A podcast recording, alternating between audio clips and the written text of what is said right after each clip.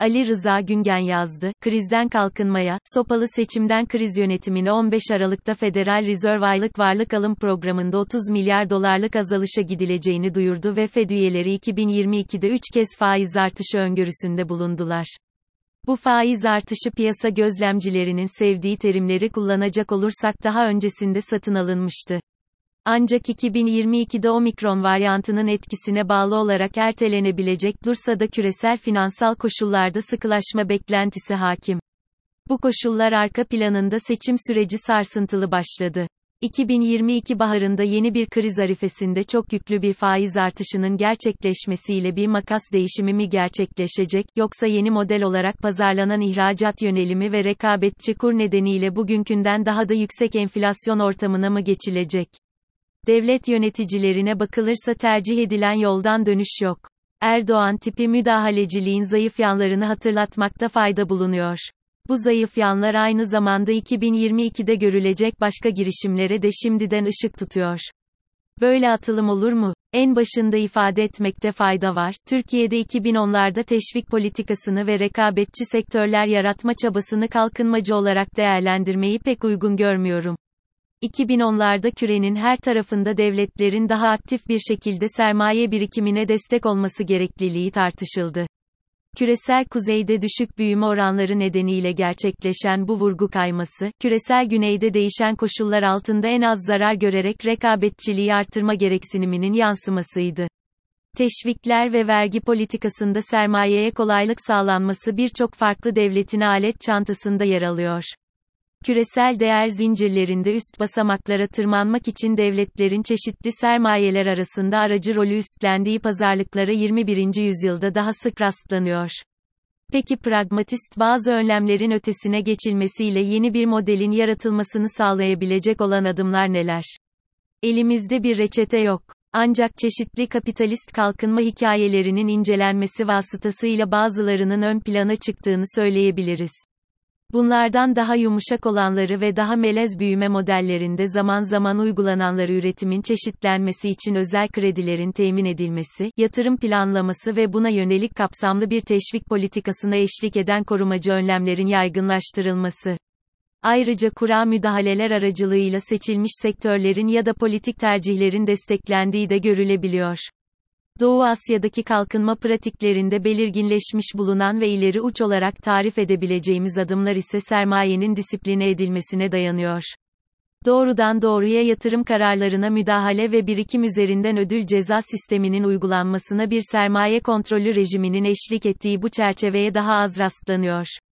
Türkiye'de bir model olarak sunulan yönelimde kur politikasının ya da biraz da politikasızlığının ihracat artışlarına vesile olması ve baskılanmış emeğin daha kötü koşullarda istihdam edilmesi kısımları oldukça açık.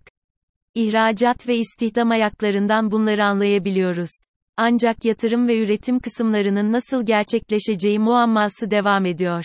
Yatırım ve üretim adımları planlanmamış bir atılım olmayacağı da aşikar.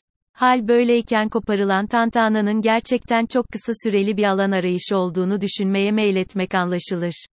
Ancak üst üste açıklamalar ve Türkiye'nin yapısal krizi nedeniyle biraz daha ötesine uzanmalı. Zayıf mı zayıf bu satırların okuyucuları aslında yamalı bohça gibi duran açıklamaları fazla ciddiye aldığımı düşünüyor olabilirler, ancak AKP ve Erdoğan yönetimine dair basit bir gerçeği hatırlamak gerektiği kanaatindeyim. Ekonomi alanında daha az rastlanmakla birlikte sosyal politika ya da toplumsal alana dair yapılacak düzenlemelerde belirgin bir akış göze çarpıyor. Adımlar önceden açıklanıp nabız yoklanıyor. Aralarında muhalif odakların yer almadığı bir toplumsal blok toplumun yarıdan fazlasının dışlandığı bir muhayyel ulus temsilcilerinden görüşler derleniyor. Ekonomi yönetiminde birebir tekrarlanmasa dahi, önlemlerin çoğunlukla muhataplarına anlatıldığını, Erdoğan rejiminin bir meşruiyet devşirme aracı olarak bu kanalları kullandığını unutmamamız gerekiyor. Kısacası gündem belirleniyor, tartışma Erdoğan yönetiminin önceliklerine tabi kılınıyor. Yeni ekonomi yöneliminde ise muhataplarına özel bir yatırım ve üretim tercihinin iletilmediğini söylemek mümkün. Nokta. Daha küçük ölçekli sermayelerin yeni yatırımlarını desteklemek için devlet bankalarının kullanılması dışında somut bir unsurun model tasarımında yer almadığını anlıyoruz. Üretim bağlamında ise hem kur nedeniyle hem de ithalatı daha da zorlaştıracak önlemler vesilesiyle yerli üretimin desteklenmesi tasarlanmış duruyor. 2008 ila 09 sonrasında ortalama her 18 ayda bir kapsamlı teşvik paketleri açıklandı ve Türkiye'li sermayedarların teknoloji yoğun üretimi artırması ve aramalı ithalatına bağımlılığın sonlandırılması için dev adımlar atıldığı müjdeleri verildi. Şimdi yeni bir düzleme geçiliyor ve bu yönelim bir model halini alıyorsa yeni ve ister istemez eskilerine bir ölçüde benzer bir teşvik programının 2022'de açıklanması, devlet bankalarının kapasitelerinin daha da zorlanması ve dermanı kalmamış Merkez Bankası'nın yeni tahsisler için devreye sokulmasını beklemek gerekir. Ancak bölük pörçük ifadelerden çıkarsadığımız model bu noktanın ilerisine gitmiyor. Devamında kapsamlı sermaye kontrolleri ve sermayelerin yatırım kararlarına doğrudan müdahale gelebilir mi? Hayır, bu adımlar Erdoğan yönetiminin fıtratına aykırı.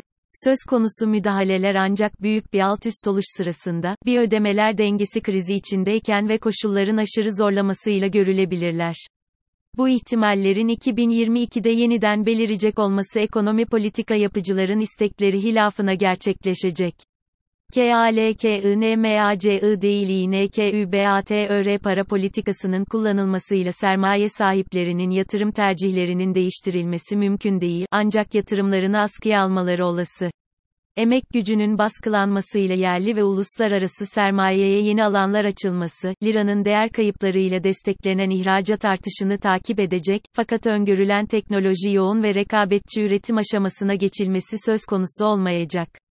O zaman önümüzdeki yönelim, hali hazırdaki kesif baskı ortamında gidilecek sopalı seçimlerde kriz yönetiminin krizini örtecek bir propaganda malzemesinden mi ibaret? Bu sorunun yanıtı da hayır. Erdoğan yönetimini var eden bloğun ana ayaklarından bazılarına görülmedik bir destek verileceği sözü, daha önce bu kadar net tarif edemediğimiz bir bütünleşme getirebilir.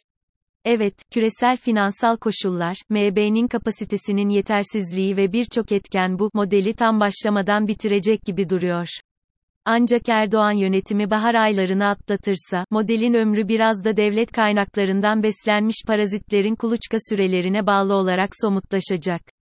Devlet eliyle yeni sermaye grupları yıllardır palazlandırılıyor, ancak şimdi bütün zayıflığına karşın küçümsemememiz gereken bir hamle yapılıyor. 2022 ortasında bir model kalmasa dahi bu hamlenin yaratacağı şok dalgaları uzun süre etkili olabilir. İktisaden zayıflıkları vurgulamak siyasal değişkenleri göz ardı etmeye varmamalı. Muhalefet partileri önümüzdeki ayları absürtlükleri cıkcıklayarak geçirirlerse Erdoğan yönetiminin hamlesi hemen boşa düşmeyebilir. Sonuçta bedelini olursa olsun geniş halk kitlelerine ödetilerek kriz yönetilebilir.